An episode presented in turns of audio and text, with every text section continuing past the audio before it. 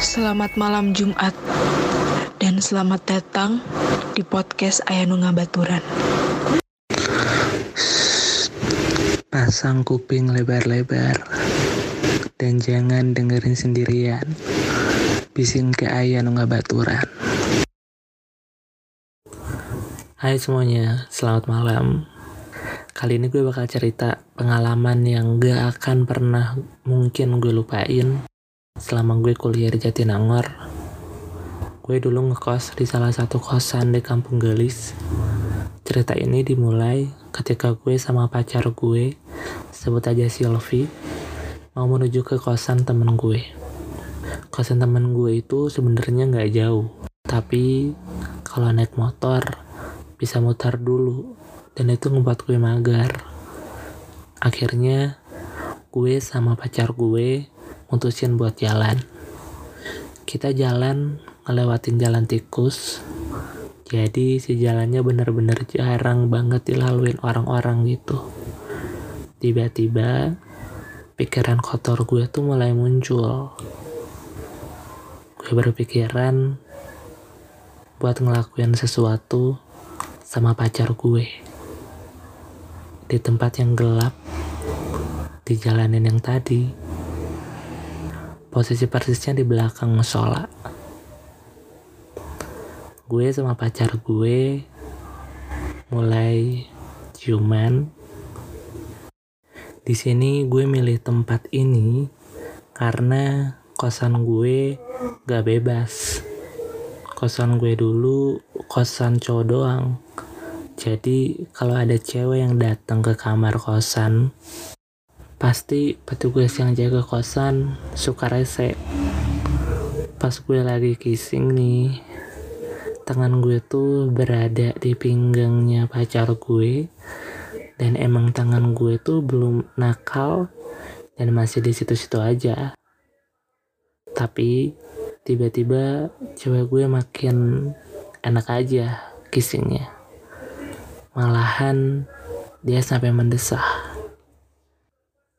Gue ngerasa beruntung dong dapat kesempatan ini. Tapi tiba-tiba si cewek gue melek dan berhenti cuman sama gue. Dan tapi bibirnya masih nempel di bibir gue gitu loh. Terus gue tanya, kenapa berhenti? Dan dia cuma jawab, Hmm, nggak apa-apa. Udah yuk ke kosan teman kamu aja sekarang. Tapi gue jawab, eh apaan? Enggak, ah, bentar lagi aja. Nanggung. Setelah itu kita tetap lanjutin ciuman. Tapi nggak lama kemudian dia tiba-tiba ngajak udahan aja gitu ciumannya. Dan muka dia kelihatan pucat banget dan gerak-geriknya ketakutan. Terus dia ngomong, maaf ya, kita gak ganggu kok. Dan gue akhirnya aneh, ada apa nih sama pacar gue? Dan akhirnya gue sama pacar gue memutuskan untuk langsung cabut ke kosan teman gue. Kita buru-buru menuju kosan teman gue, tapi agak aneh. Kosan teman gue kerasanya jauh banget. Padahal nggak gini biasanya. Akhirnya setelah sampai di kosan temen gue, gue tanya ke dia, ada apa sih tadi?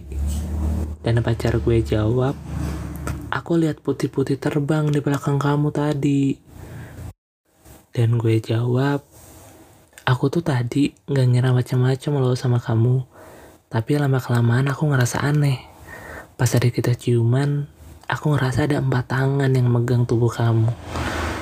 Dan cewek gue tanya, tangan kamu tadi di mana? Gue jawab, di pinggang. Tapi dia jawab, ah yang bener. Gue tegasin lagi, iya loh bener.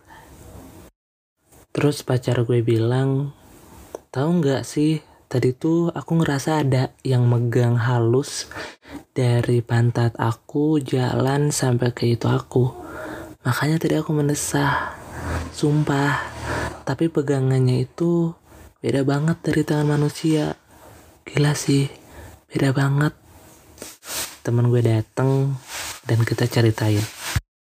Dan ternyata dia bilang kalau di musola itu tuh ada keranda mayat.